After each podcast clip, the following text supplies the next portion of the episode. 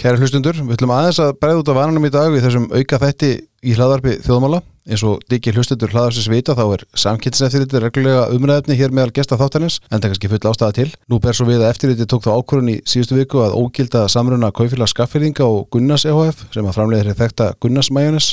Eftir að hafa skoða málið í heila nýju mánuði er það mat eftirlitsins að samrunin hefði haft alvarlegar afleðingar fyrir samkynni hér á landi, viðskiptavinnum og neytundum til mikistjóns það var svona cirka þannig sem þetta var orðað í tilkynningu á VF eftirlitsins. Nú svona aftrefur ykkur ákvarðanir þar verður nokkið til að sjálfu sér og hér í hlaðarpið þjóðmála telum við fulla ástæðu til að uppfræða almenningu það hvernig ríkistóttanir starfa, hvernig ákvarðanir eru teknar og hvaða djúpar ansótnavinna og umbera starfsmanna likur að baki svo veiðamiklum og vel ígrunduðum ákvarðanum. Þjóðmál er hlaðvarp þjóðarinnar, þjóðmál er upplýsandi hlaðvarp og þessna fengum við Magnús Ragnarsson, góðan vinn þáttarins, til að lesa hér upp hluta af úrskurði Sankjæðis eftirlitsins þar sem mæjinasmarkarinn er greindur í þaula, hlustið og njóti vel. Nú verður lesið úr ákvarðun samkeppniseftilits nr. 1-2023, samrunni Kaufélags Skakfyrðingasaminufélags og Gunnars Engalutafélags. Ákvarðunin er alls 130 blaðsýður en hér verður einungist lesin kapli 1-4, samanburður vöru og sósutegunda. Þegar hefur verið fjalla almennt um markað skilgreiningar í samkeppnisrétti í ákvarðun þessari. Samkeppnis yfirvöld notast við margvíslega tegundir gagna og aðferði við rannsókn á eftirspurnarstaðgöngu vegna vörutegunda. Til margsum hvort viðskiptavinnir myndur nota eina vöru í staðin fyrir aðra, líta samkeppnis yfirvöld svo sem til einkenna og eiginleika vöru, enska Product Characteristics, ætlaða nótkunn og fyrri nótkunn, verlagningu og almennan smekk viðskiptamanna, enska General Customer Preferences er þá ekki tæmandi taliði líkt og áður sagði. Til þess að afmarka vörumarkaði málsins telur samkefniseftiliti rétt að fjalla um og bera saman þær vörur sem kunna að falla undir viðkomandi markaði í máli þessu, meðal annars með tilliti til eiginleika, einnkenna og eðli vöru, nótkun hennar og framleiðslu til marksum mögulega eftirspurnarstaðgöngu annarsvegar og frambóðstaðgöngu hinsvegar. Kapli 141 tómatsósa, barbecue-sósa. Tómatsósa, enska ketchup, nýtur verulega vinselda hérlendis sem ellendis. Sósan er í grunninn unnin úr tómutum.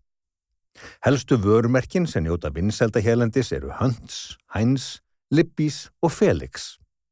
Samruna aðilar framleiða litluleiti tómatsósu til dagvöruverslana eftir því sem samkeppniseftiliti kemst næst. En keppinautur þeirra, kjarnavörur, framleiðir og selur tómatsósu meðal annars undir vörumerkjum valstómatsósu sem hefur sögulega notið nokkur að vinnselda helendis. Langmestur hluti dagvörusölu tómatsósu helendis er þó vegna innflutnings á ofangreindum erlendum vörumerkjum eða um 85-90%.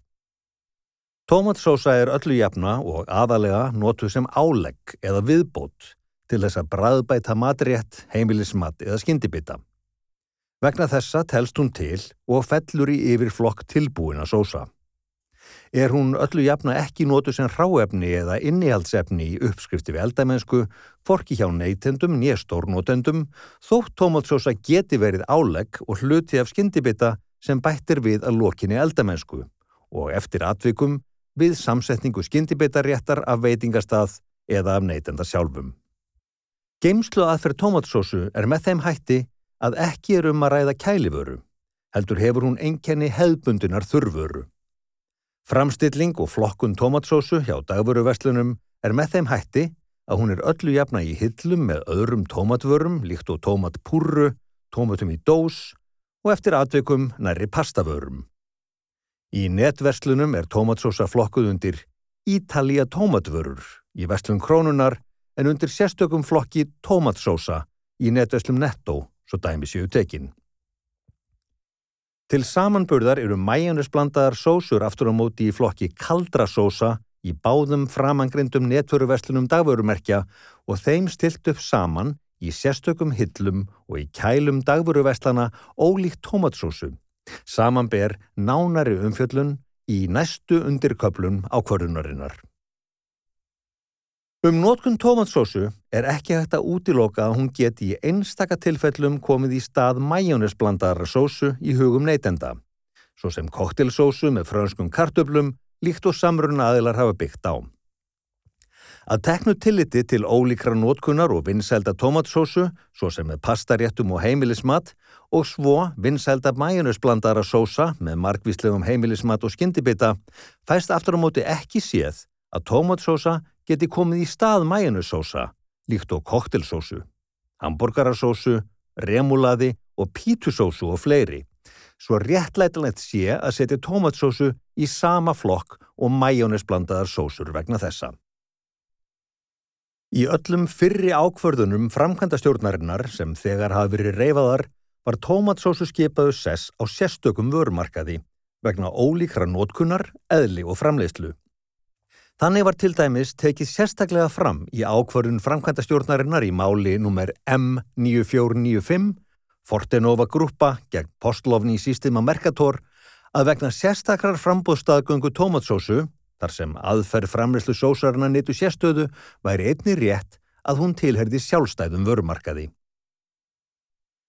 Þið sama veru talið eiga við í máli þessu að mati sankefniseftilitsins. Framleyslu aðferð tómatsósu er með þeim hætti að tómatgrunnur og eða eftir atveikum tómatpúrra og önnur ráefni eru svoðin upp og blönduð og loks kæld fyrir átöppun og pökkun í viðegandi umbúðir. Fyrir framleiðsluferil tómatsósu er notast við önnur framleiðslutæki, framleiðslu aðferðir og önnur hráefni, samanbori við hráefni tæki og framleiðslu aðferðir til þess að framleiða mæjónes og svo sósur með mæjónes grunn. Fær það meðal annar stóð í gögnum álsins og svörum markasæðila þótt samruna aðilar kunni sjálfur að nota sama blandara eða geimslutang í tilteknum hluta þessa ferlis fyrir nokkra tegundi sósa. Af framangreyndum atriðum er örugt að álíkta að mati samkefniseftilsins að frambóð staðganga sé ekki til staðar millir tómatsósu og majónesblandara sósa, svo framleiðendur geti tiltölulega auðveldlega breytt vöru frambóði millir þessara ólíku tegunda. Að mati samkefniseftilsins gilda flest eða öll hins sömu atriði og að framann um einkenni, nótkunn, geimsluaðferðir, framleiðsluaðferðir og framstillingu tómatsósa einnig um barbekjúsósur hérlendis. Með vísan til sömu umfjöllunar greini barbekjúsósur sig frá öðrum köldum sósum líkt og fytu þeittum, mæjónesblönduðum sósum með sambærlegum hætti. Barbekjúsósur eru einnig framleitar og unnar úr tómatgrunn en skera sig frá tómatsósum varðandi önnur innhjálpsefni og einkennandi bragð. Vinsælustu vörumerki barbekjúsósa hérlendis eru meðal annars Hunts, Heinz og Sweet Baby Race, en langmestur hluti dagvörusölu barbecue-sósu hérlendis er vegna innflutnings á ofangrindum erlendum vörumerkjum eða 90-95%. Að mati samkeppniseftilitsins eru barbecue-sósur raunar enn fjarlægari öðrum köldum sósum, líkt og majónessósum í hugum neytenda. Óhjákvæmilega verður að líta til þess að þótt barbecue-sósur kunni að vera meðlæti eða álegg í einhverjum tilvikum með mat og skyndibita, þá hafa barbecue-sósur þann aðal tilgang að bræðbæta og marinera mat, áður eða á meðan matur er eldaður. Með slíkri nótkun barbecue-sósa er ætlunum að ná fram tilteknu bræði og eftir til atvikum áferð, svo sem vegna áhrifa eldunar og síkur innihald sósunar karamellisering. Að því leitinu til mætti ég eppel færa rauk fyrir því að barbekjúsósa fallir raunar ekki í flokk tilbúin að kaldra sósa svo sem fylgihlutur eða viðbót til að bræðbæta framleita rétti sem búið er að elda eins og framkvæmta stjórnin hefur skilgreinda. Í flokkum og netverslunum dagveru vestana krónunar og netto eru barbekjúsósur enda settar í flokk sem marineringar og barbekjúsósa og framstilling í dagvöru vestlunum með sambærlegum hætti og tómatsósur aðskildar öðrum sósum líkt og köldum sósum úr mæjónesi.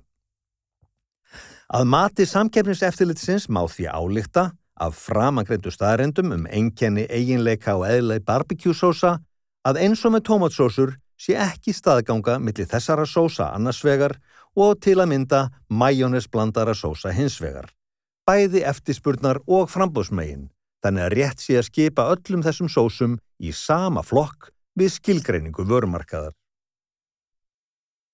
Kapli 1.4.2 Sinneb Ekki þarf að fjalla um sinneb í laungumáli, En það virðist ekki ágreiningur í máli þessu um afar takmarkaða eftirspurnarstaðgöngu millir sinnepstegunda annarsvegar og majónes eða sósa og majónesi hinsvegar. Mismunandi framleyslu aðferðir, bræð, inkenni, eiginleikar og nótkunarmynstur sinneps virðist óum deilt. Í öllum þeim fordæmum framkvæmda stjórnar ESB sem hér hafi verið reyfuð og þeim sem samruna aðilar vísa til er sinneb felt í sérstakann flokk og talið mynda sjálfstæðan vörumarkað af framagrindum ástæðum. Kapli 1.4.3 Hreint majónes Með hreinu majónesi er átt við majónes sem framleitt hefur verið til neyslu, nótkunnar og markasetningar sem eiginlegt majónes til endur sölu í dagvöruverslunum annarsvegar og til nótkunnar í starfsemi stórnótenda hinsvegar en þó ekki verið blandað eða bræðbætt með sambærlegum hætti og tilbúnar kaldar sósur í þeim tilgangi að selja og markasetja sem sósu. Innihald og hráefni majónes er að miklu leiti og eðli málsins samkvæmt líkt innihaldsefni og hráefni majónesblandara sósa helt á litið, enda majónes aðal uppistaðast líkar sósa. Majónes er svo kalluð írulaust, einnig nefnt feitilaust eða þeitulaust eða á ennsku emulsjón. Helstur hráefni og innihaldsefni majónes eru ólíja, eggjarauður, etiksýra, krydd og vatn. Til þess að gera írulaustnir eins og majónes stöðuar er notast við bindiefni. Gerð majónes í matvælaframislu fer öllu jafna fram með samfældri vinslu sem byggir á tveggja þrepa blöndun þar sem ólíu og vassfasa er fyrst blanda saman og svo með frekari blöndun og svo kallari fytuþeitingu til að ná fram enn kröftur í íringu þar sem blandan er pressuð í gegnum óp eða rifur og loks blanda saman við önnur innihaldsefni fyrir átöpun eða pökkun í umbúðir. Gerð majónes í matvælaðinaði krefst því að framleiðslutækja eða hrærivéla sem eru færar um framagreinda aðferð fytuþeitingar og íringar ráefna þótt einni sé hægt að framleiða majónes heima fyrir til eigin eislu. Samkvæmt gögnum málsins og fyrirlikjandi upplýsingum notast framleiðendur hreins majónes helendis við öflugar yðnaðarhærivélar til þess að ná fram fytuþeitingu hráefna svo úrverði majónes í miklu magni og þá með sérstökum hnífum til að ná fram umrættri íringu eða fytuþeitingu. Til þess að búa til sósur, svo sem þær sem aðalega eru majónesi, megi aftur á móti nota einfaldari hrærivélar og kraftminni blandara, þar sem hráefnum sé blandað saman líkt og krytti og tilbúinu majónesi, en það er íringar og fytu þeitingar hráefna þá ekki þörf. Að mati samkefniseftilitsins er ekki útilokað að hreint majónes, bæði til dagvöru vestlana og stórnótenda, geti í einstökum tilfellum gengt sama hlutverki og tilbúnar kaldar sósur. Það er notað af neytendum sem sósa til þess að bræðbæta tilbúin mat eða rétti sem þegar er búið að elda. Þá verður að telja að hreint majónes hafi að öðru leiti sambærilega eiginleika, geimslu aðferð og endingatíma og majónesblandaðar sósur líkt og koktelsósa. Likkur enda fyrir að majónes eða majónesgrunnur er ráefni og innihaldsefni majónesblandaðara sósa eins og áður sagði sem hefur áhrif bæði á áferð og bragð. Hreint majónes er nöðslegt aðfang á ennsku input í margvísleg matvæli og til frekari matvælaframleyslu, svo sem í tilbúnar kaldar sósur úr majónesi og sem hráefni í aðra matvælagerð, salatgerð, samlokur, smurbröð og fleira. Af framagrindu leiðir að mati samkeppniseftilitsins að hjá tilteknum viðskiptamannahópi er sérstök eftirspurn eftir hreinu majónösi, hvort sem er til framleyslu og tilbúnum köldum majónösósum eða til annara matvælagerðar, hvar hreint majónös er mikilvægt hráefni. Vegna þessa er framleysla og hildsala á hreinu majónösi í vissum aðstæðum aðlikjandi sölustig fyrir frálikjandi matvælaframislu í virðiskeðju tiltekina matvæla. Sjálfstæð eftirspurn er því eftir hreinu majónesi og þar koma sósur úr majónesi líkt og koktelsósa og remulaði bersinlega ekki í stað majónes. Framangreint er til margsum sjálfstæða eftirspurn og tilvist vörumarkaðar fyrir hreint majónes. Majónes sem framleittir hérlendis, líkt og það sem samruna aðilar framleiða, er kælivara með mun stittri endingartíma en svo kalladar þurfurur, líkt og tómatsósa. Vegna eðlis vörunar og geimslu hennar stilla dagvörukeðjur majónesi fram á sérstökum stöðum í kælum vestlana sinna. Vegna innihalds og næringargilda hefur majónes, líkt og til dæmis Gunnars majónes, verulega hátt fytu innihald. Þá er majónes mjög hitaeiningaríkt og Gunnars til að mynda um sexfalt hitaeiningaríkara en hans tomatsósa. Umrætt hráefni, innihald, hátt gildi fytu og framleysluaðferð hefur síðan eðlimálsins samkvæmt áhrif á áferð og einkennandi bræð majónes. Alltaf einu styðja öll framagreind atriði að mati samgefniseftilitsins að skilgreina megi sjálfstæðan markað fyrir hreint majónes. Er það í samræmi við öll þau fordæmi framkvæmda stjórnarinnar sem áður voru reyfuð og einnig þau sem samruna aðilar sjálfur vísuðu til. Kapli 1.4.4 Sósur með majónes grunn, majónes blandaðar sósur. Majónes blandaðar sósur eða sósur með majónes grunn eiga það sammert að vera framleitar úr majónesi, eggjarauðum og ólíu og síðan hinnum ímsu kryttum og eftir atvikum öðrum hráefnum sem eru hrærð og blöndu saman og bera þar með álíka áferð og útlitt vegna líkra eða sömu aðalhráefna, sömu framleyslu aðferðar og hás fytu inni alls. Samkvæmt gögnum sem samkeppniseftiliti hefur aflað hjá framleiðundum er lítill eða engin munur á framleiðslu aðferð og framleiðslu ferli sósutegunda í umrættum flokki. Líkt og áður sagði krefst gerð majónes framleiðslutækja eða hrærivéla sem eru færar um áðurnemda aðferð fytu þeitingar og íringar ráefna, þótt einnig sé hægt að framleiða majónes heimaferir til eigin neyslu. Þannig notast framleiðendur hreins majónes hérlendis við öblugri yðnaðarhærivilar til þess að ná fram fytu þeitingu hráefna svo úrverði majónes í miklu magni og þá með sérstökum hnífum til þess að ná fram umrættir í íringu eða fytu þeitingu. Til þess að búa til sósur, svo sem þær sem aðalega eru úr majónesi, megi á aftur og móti nota einfaldari hrærivilar og kraftminni blandara, þar sem hráefnum sé blanda saman líkt og krytti og tilbúnu majónesi enda fytu þeitingar hráefna þá ekki þörf. Helstu og vinsælustu majónesblönduðu sósutna hérlendis eru koktilsósa, hamburgarasósa, bernessósa, kvítlögs og pipargrillsósur, pítusósa, sinnepsósa, grænmetissósa og remulaði. Vöruframbóð hefur þó aukist nokkuð í þessum flokki kaldra sósa með tilkomu nýra vörumerkja eins og fabrikusósur, og barjónsósur með sama majónesgrunn en öðruvísi bræðtegundum eða útfæslum en vinsælustu majónessósurnar.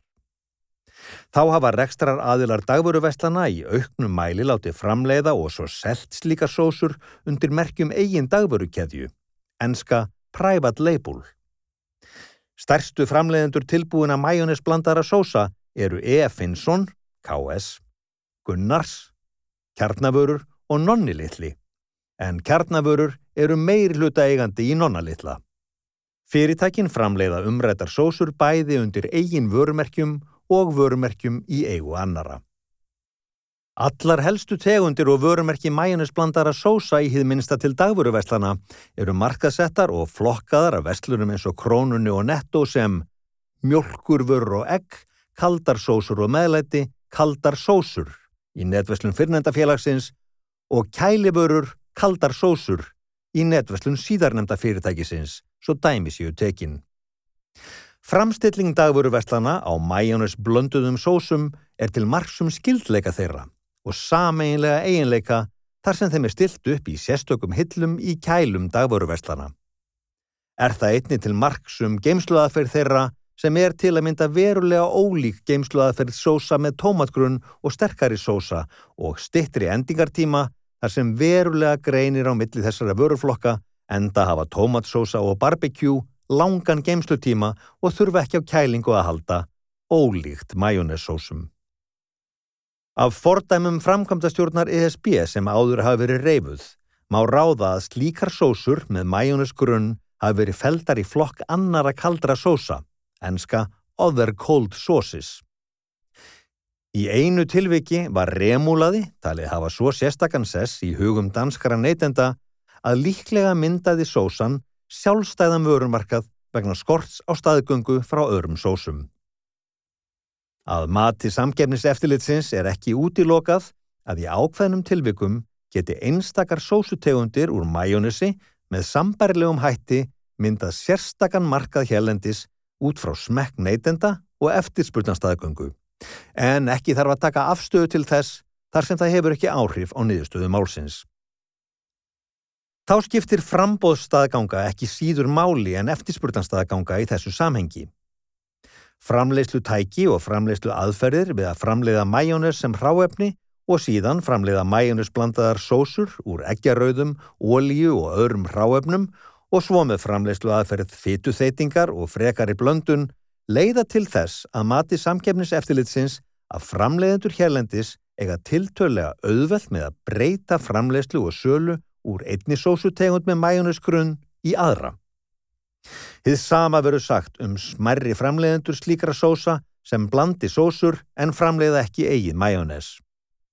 Aftur á móti verður sósum úr majónesi ekki með góðu móti líkt við ólíka framleiðslu með suðu og blöndun sósa úr tómatgrunni, í þar tilgerðum pottum sem dæmi. Er framangrein til margs um mikla frambóðstaðgöngu millir tegunda majónesblandara sósa sem stiður einnig að fellast líka sósur í sameinlega flokk til þess að meta markaðstyrk samruna aðila og áhrif samrunans. Sósur úr majónesgrunni eiga það sammert eins og áður sagði að vera framleitar úr majónesi, eggjarauðum og olíu og síðan hinnum ymsu kryttum og eftir atvikum öðrum hráefnum. Þau fytu þeitt og bera þar með álíka áferð og útlitt vegna líkra eða sömu aðalhráefna, sömu framleyslu aðferðar og hás fytu innihalds. Þá er innihald og næringargildi sósa úr majónesi verulega áþægt og slíkar sósur eins og aðal hráefni þeirra, majónes, verulega hýtaeininga ríkar. Framangreind einkenni standast ekki samanburði helstu einkenni og eiginleika ólíkara sósutegunda sem samrunaðilar vísa til, eins og sósa úr tómatgrunni, að mati samgefniseftilitsins. Framangreindar staðrindir og lýsing á eiginleikum, einkennum, eðli og framleyslu sósa með mæjunisgrunn stiður það að mati samkefniseftilitsins að setja slíkar sósur í sameinlegan flokk og sérstakann vörumarkað til þess að meta markaðstyrk og samkeppnislegt afhald í gard samrunnaðila. Hvað var það rauk fyrir því að innifela vörur eins og tabasco, salsa, guacamole, auk sírðsrjóma eins og samrunnaðilar telja að gera eigi er fjallaðum það í næstu tveimur undirköplum. Kapli 1.4.5 Tabasco, salsa, guacamole Í kjölfar kynningar samkefniseftilitsins á frummati um skadleg lárétt áhrif samrunans byggðu samruna aðilar á því eins og áður hefur verið reyfað um sjónamið aðila að ekki væri tekið nægt tillit til þess samkefnislega afhalds sem samruna aðilar við framleiðslu og sölu á majónesi og majónesblönduðum sósum þyrtu að þóla frá sterkum tabaskosósum, salsasósu og jafnvel lárperumauki, á ennsku guacamole. Um salsasósu vísar samkefniseftiliti til fyrri umfjöllunar um tómatsósu og barbecue-sósu að framann. Salsasósa er í grunninn framleitt úr tómutum, auk annars hráefnis og kryddjúrta. Um er að ræða þurrvöru í íslenskum dagvöruverslunum og framstilling hennar í hillum er vanalega með meksikóskum vörum. Fyrirtæki líkt og Krónan og Netto setja salsasósu í netverslunum sínum í flokk Meksikóvöru og í sérflokk salsa. Um tabascosósu ber helst að nefna að um er að ræða sterkasósu, henska hot sauce, sem er í grunninn framleitt úr sérstökum chilipipar, etiki og salti af makil henni í bandaríkjunum. Eftir að sósum maukið hefur verið framleitt úr piparnum, meðal annars er hún sett á eikartunnur til fjölda ára.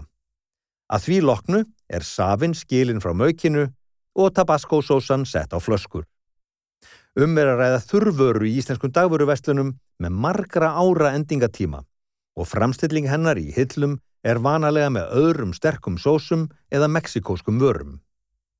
Fyrirtæki líkt og Krónan og Netto setja tabascosósu í netverslunum sínum í flokkin þurr og nýðusuðu vörur, súpur og sósur, sterkar sósur og Mexiko.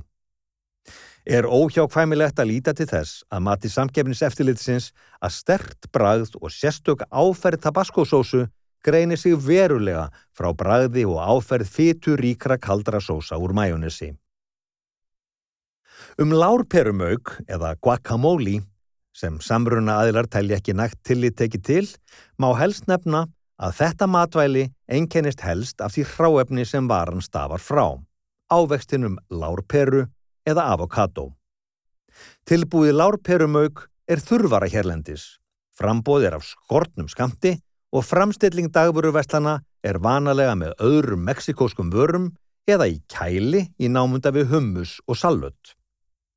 Lárperumauk hefur þann aðal tilgang að gegna hlutverki í dífu Þótt slíkt mög kunni í einhverjum tilfellum að nota sem sósu álegg eða viðbót við eldaðan heimilismat eða skyndibita. Áður nefnd fyrirtæki, Krónan og Netto flokka vöruna sem Mexikóvöru í netverslunum með sambarlegum hætti og salsasósu. Þótt framangreindar tegundir sósu og matvæli, það er tabascosósa, salsa og lárperumög, kunni að vera notaðar eins og tilbúnar kaldar sósur til þess að bræðbæta matrétt eða skyndibita að eldamennsku lokinni, þá eru bræð eiginleikar, innihald og eðli, áferð, geimslu aðferð, endingartími og framstilling svo verulega ólík köldum og mænusblönduðum sósum að ekki er rétt að mati samkefniseftilitsins að fella þær í sama flokk við afmörkun vörumarkaða þar sem áhrifa samrunans gætir. Með vísan til lýsingar samkeminseftilitsins að framann á umrættum sósum og matvælum, það er tabasco, sálsá og lárperumauki, er það mat eftirlitsins að framleiðendur majónes og sósa úr majónesi geti bersínlega ekki fært framleyslu sína úr umrættum vörutegundum og í framleyslu og sölu á tabasco, salsa og guacamole með tiltölulega auðveldum og fljótlegum hætti. Frambóð staðganga byrðist því vera takmörkuð eða engin hérlendis. Framangreind atriði styðja að mati samkeppniseftilitsins að setja tabasco, salsasósu og lárperumauk ekki í sama flokk og majónes eða majónes blandaðar sósur við mat á markastyrk inn saminnaða fyrirtækis vegna rannsóknar á áhrifum samrunans.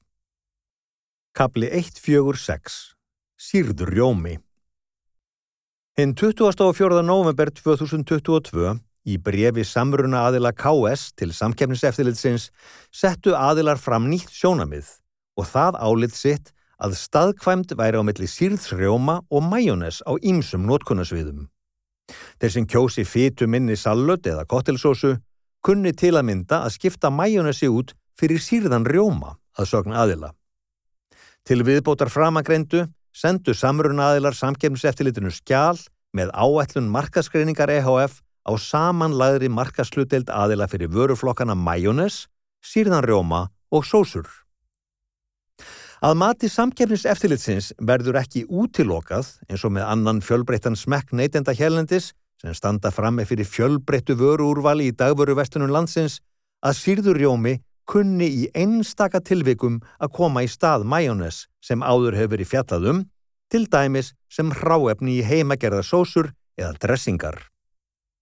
Stens þetta sjónam við aðila þó síður skoðun hvað var þar tilbúnar kaldar sósur úr mæjónissi, en það er ótækt að leggja til grundvallar við mat á áhrifum samrunans að sírður rjómi og aðra rjómavörur geti frá sjónarhóli neytenda komið í stað koktelsósu, hamburgarasósu og remulaðis, svo dæmi síu tekin. Er einnig óhjákvæmilegt að líta til þess að framleiðsla á sírðum rjóma er gjör ólík framleiðslu á mæjónissi og tilbúnum mæjónusblönduðum sósum. Áður hefur verið fjallað um framleyslu feril og ráefni mæjónes og sósa á mæjónesgrunni eða sömur ráefnum.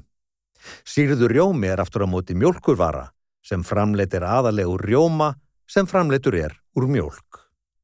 Til framleyslu á rjóma úr mjölk þarf sérstaka aðferð og skilvindu og er rjóminn svo gerjaður eða sýrður með gerlum og unnin með tiltekinni aðferð svo afurðin sé sýrður rjómi.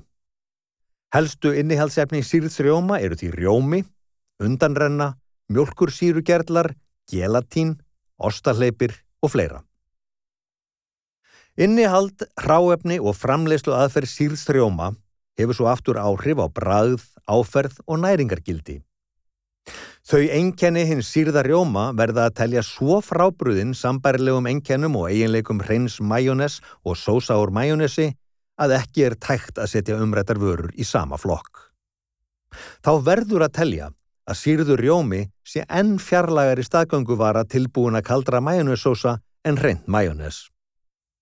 Bragð, áferð og umbúðir fyrir sírðan rjóma til dagbururversluna geta enn síður komið í stað kaldra sósa úr majónesi, líkt og koktelsósu, remúlaðis og svo framvegis í hugum neytenda sem keftar eru í þar tilgerðum neytenda umbúðum og tilbúnum flöskum eða spröytum. Ólíkt majónesi og köldum majónesblönduðum sósum eru framleiðundur á sírðum rjóma hérlendis helst mjölkursamlög. Eru enda framleyslutæki, aðferðir og hráefni gjör ólík eins og áður sagði. Byrtist það meðal annars í því að samruna aðili KS sem er með stærstu samstæðum landsins framleiðir ekki sírðan rjóma undir hatti vogabæjar heldur undir merki mjölku. Á fundum með samkemniseftilitinu fjallaði framleiðslustjóri KS einnig um aðgreiningu millir mjölkustarfsemi félagsins annarsvegar og majónes og sósustarfsemi þess hinsvegar. Á engum tímapunkti hafa samruna aðilar nefnt mjölkursamsöluna eða mjölku sem keppinut Gunnars Efinssonar eða annara á þeim markaði. Samkeppniseftilitið hefur jafnframt borið saman verð á sírðum rjóma annarsvegar og majónesi hinsvegar. Niður stöður verð samanburðarins er að finna í töflu 1 hér að neðan en af niður stöðunum er ljóst að sírður rjómi er almennt talsvert dýrara hráefni en majónes. Verð á Gunnars majónesi í netverslun krónunar er til að mynda 1032 krónur á lítra en verð á sírðum rjóma, 10, 18 og 36% frá MS í sömu vestlun er hins vegar 1889 krónur á kíló. Af framangreindu er ljóst að MS sírðurjómi er um 83% dýrara hráefni en Gunnars majónes. Sírðurjómi frá mjölku er ódýrari, 1440 krónur kíló meða við 10% en er þó 40% dýrara hráefni en Gunnars majónes. Krónumæjónes er um helmingi ódýrara en Gunnarsmæjónes en í netverslun krónunar kostar krónumæjónes 598 krónur á lítra.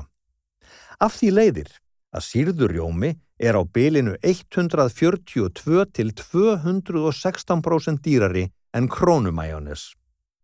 Helmans og hænsmæjónes eru dýrari en Gunnarsmæjónes en samt sem áður er sírðurjómi frá MS og mjölku á bylinu 25 til 51% dýrari en majónesið.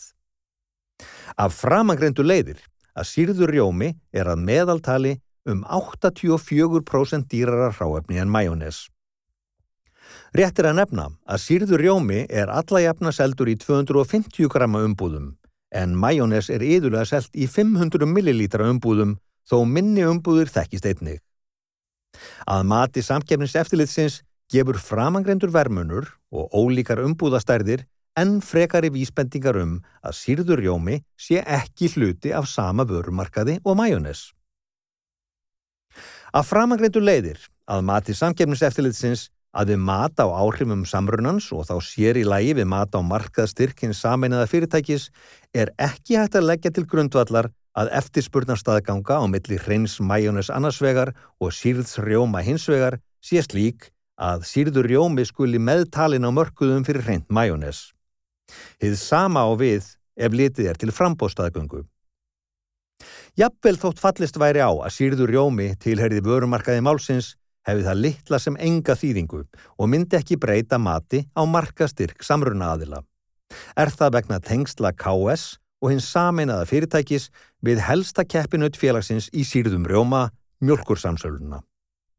Fjalla verður um þau tengsl og vægi óbeitnar samkeppni af utanakomandi mörguðum svo sem vegna sírð þrjóma í kabla 13 í ákvörðuninni. Kabli 1461 Upplýsingar frá samruna aðilum um vörumarkaði og samkeppni. Stuttu fyrir útgáfu andmælaskjáls annan desember 2022 lögðu samruna aðilar fram nýtt skjál sem stafaði frá markaskreiningu EHF með myndri sameinleiri flokkunum greiningarfyrirtækja á vöruflokkunum majónesi, sýrðum rjóma og sósum.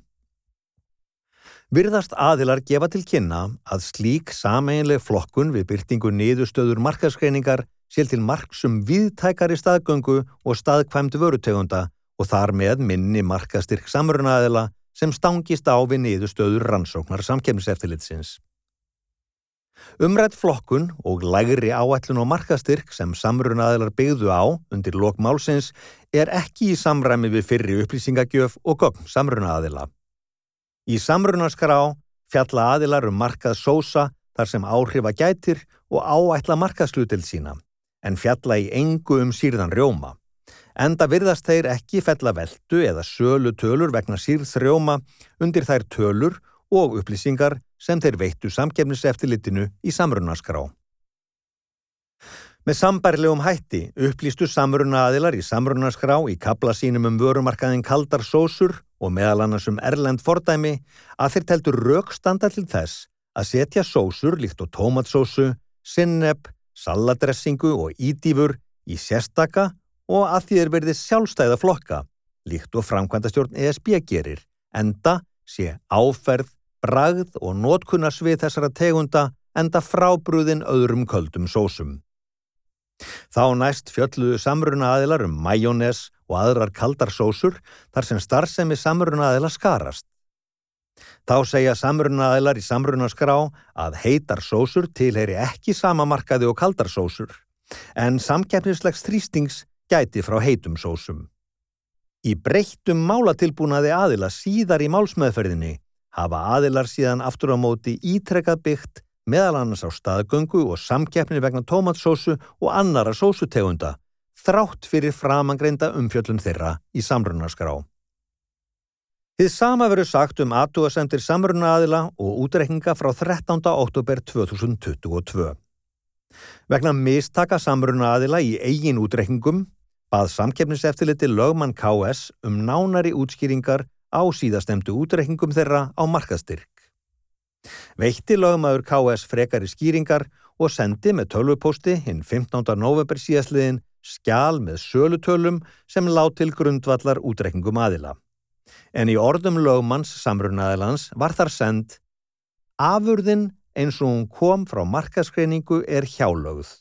Þarna eru bæði majónes og kaldar sósur ásamt öðru. Í umrættu skjali flokkar markaskreining EHF og greinir sölu vörumerkja í köldum sósum í sérstökum flokki, fyrir majónes í sérstökum flokki, fyrir sírðan rjóma í sérstökum flokki, sem og fyrir tómatsósu í sérstökum flokki, án sameiningar eða sameinlegar flokkunar. Nýleg sjónamið og gögn frá samruna aðilum undir lokmálsins um sameinlega flokkun þessara vörutegunda og það seti mark sem mynda staðgöngu þeirra og þar með lægri markaðslutildir aðila er ekki í samræmi við áðurveittar upplýsingar og gögn frá samrunnaðilum. Er þá heldur ekki sjálfgefið að aðferðir fyrirtækja líkt og markaðskreiningar EHF þegar þau flokka sölutölur eða veldu tiltekina vörundegunda hafi yfir höfuð einhverja þýðingu við mat á staðkvæmt og raunverulegu samkeppnislegu aðhaldi milli ólíkra vörutegunda líkt og samrunna aðilar virðast halda fram. Alltaf einu komast líka markaskreiningar í dagvörusölu vörumerkja með aðferðum Nílsen eða annara ekki í staðin fyrir umfangsmikla gagnaöflun fyrir tekjur og veldu framleiðanda og seljanda eða í stað rannsóknar samkeppniseftilitsins á áhrifum samrunans að öðru leiti. Að mati samkeppniseftilitsins hafa samruna aðilar gert breytingar á málatilbúnaði sínum auk þess sem framvísuðum gögnum hefur ekki borið saman að öllu leiti. Hafa þessa breytingar haft hann tilgang að sína fram á að markaðurinn sé víðari en samruna aðilar sjálfur lögðu upp með í samrunatilkynningu. Er þannig verulegt misræmi í því hvernig samruna aðilar hafa líst líkindum vörutegunda, vörumörkuðum og öðru samkeppnislegu aðhaldi sem samruna aðilar halda fram að sé til staðar á þeim mörkuðum sem málið varðar. Hefur þetta verið til þess fallið að tefja rannsók málsins? Af þessum sökum vill samgefnisaftilitið árétta mikilvægi þess að mála tilbúnaður í samrunarskrá byggja á tröstum grunni og áreiðanlegum gögnum. Er þetta jafnan undistrykað í lok samrunatilkynningar þar sem samruna aðilar undirrita yfirlýsingu meðal annars um að veittar upplýsingar séu sannar og réttar og allt mat sett fram samkvæmt bestu vitund og vittnesku um staðrindir málsins. Samanber 12. kabla, fyrsta viðauka, regluna nr. 1390 frá 2020. Upplýsingagjöf í samrunaskrá og samkvæmt 19. grá samkefnislaga er sett fram að viðlæri ábyrð, samanber G-lið 37. greinar 41. greinar B. Sömu laga. Kapli 147. Samantekt um samanburð sósu og vörutegunda. Hér að framann hefur verið fjallað um eiginleika og einkenni hreins majónes, majónes blandara sósa og ímissa annara sósutegunda og matvæla sem málið varðar eru slík atriði hluti af heldar mati samkeppnis yfirvalda á eftirspurnarstaðgöngu og frambóðstaðgöngu. Líkt og ofangreint umfjöllun ber með sér eru eiginleikar, einkenni, innihald og framleyslu aðferðir framangreindra vörutegunda meðal annars með þeim hætti að ekki er tækt að leggja til grundvallar að mati samkeppnis eftirlitsins að líta svo á að staðganga sé á milli majónessósa úr majónessgrunni, öðrum sósutegundum og öðrum ólíkari matvælum, það er að framangreindar vörur komið að fullu eða verulegu leiti í stað hvor annarar. Öll framangreind umfjöllun og atriði stiðja að mati samkefnis eftirlitsins skilgreiningu vörumarkaða fyrir hreint mæjunes annarsvegar og fyrir aðrar tilbúnar kaldar sósur hinsvegar, eins og atvikum þessa máls er háttað. Þá sé rétt að skipta þeim mörguðum eftir söluleiðum eins og síðar veru fjallaðum. Aðrar tilbúnar kaldar sósur innifeli í máli þessu sósur sem eiga það sammert að vera framleitar og gerðar aðalegur majónesi með öðrum orðum majónes blandaðar sósur eða sósur með majónes grunn auk annarar hráefna. Þessi uppistöðu hráefni og fytu þeitt framleyslu aðferð þeirra hafa afgerandi áhrif á sameigileg einkenni viðkomandi sósutegunda. Það er áferð, brað, næringargildi og fleira. Eftir atvikum kann að vera mögulegt að skilgreina enn þrengri markaði fyrir tilteknar majónusósutegundir líkt á koktelsósu, pítusósu, remulaði og svo framvegis. Enda hefur hver og einn sósa sitt bragð, en þess er ekki þörf í málinu að mati samkefniseftilitsins. Þá aflaði samkefniseftilitið frekar í gagna um staðgöngu og líkindi, matvæla og sósutegunda og samkeppnislegt aðhald millir ólíkra vara verður næst fjallað um staðgöngu frá sjónarhóli endurseljanda og stórnótenda sem er viðskiptamannahópur samrunna aðila. Líkur hér lesturinnum, ég þakka þeim sem hlýtu.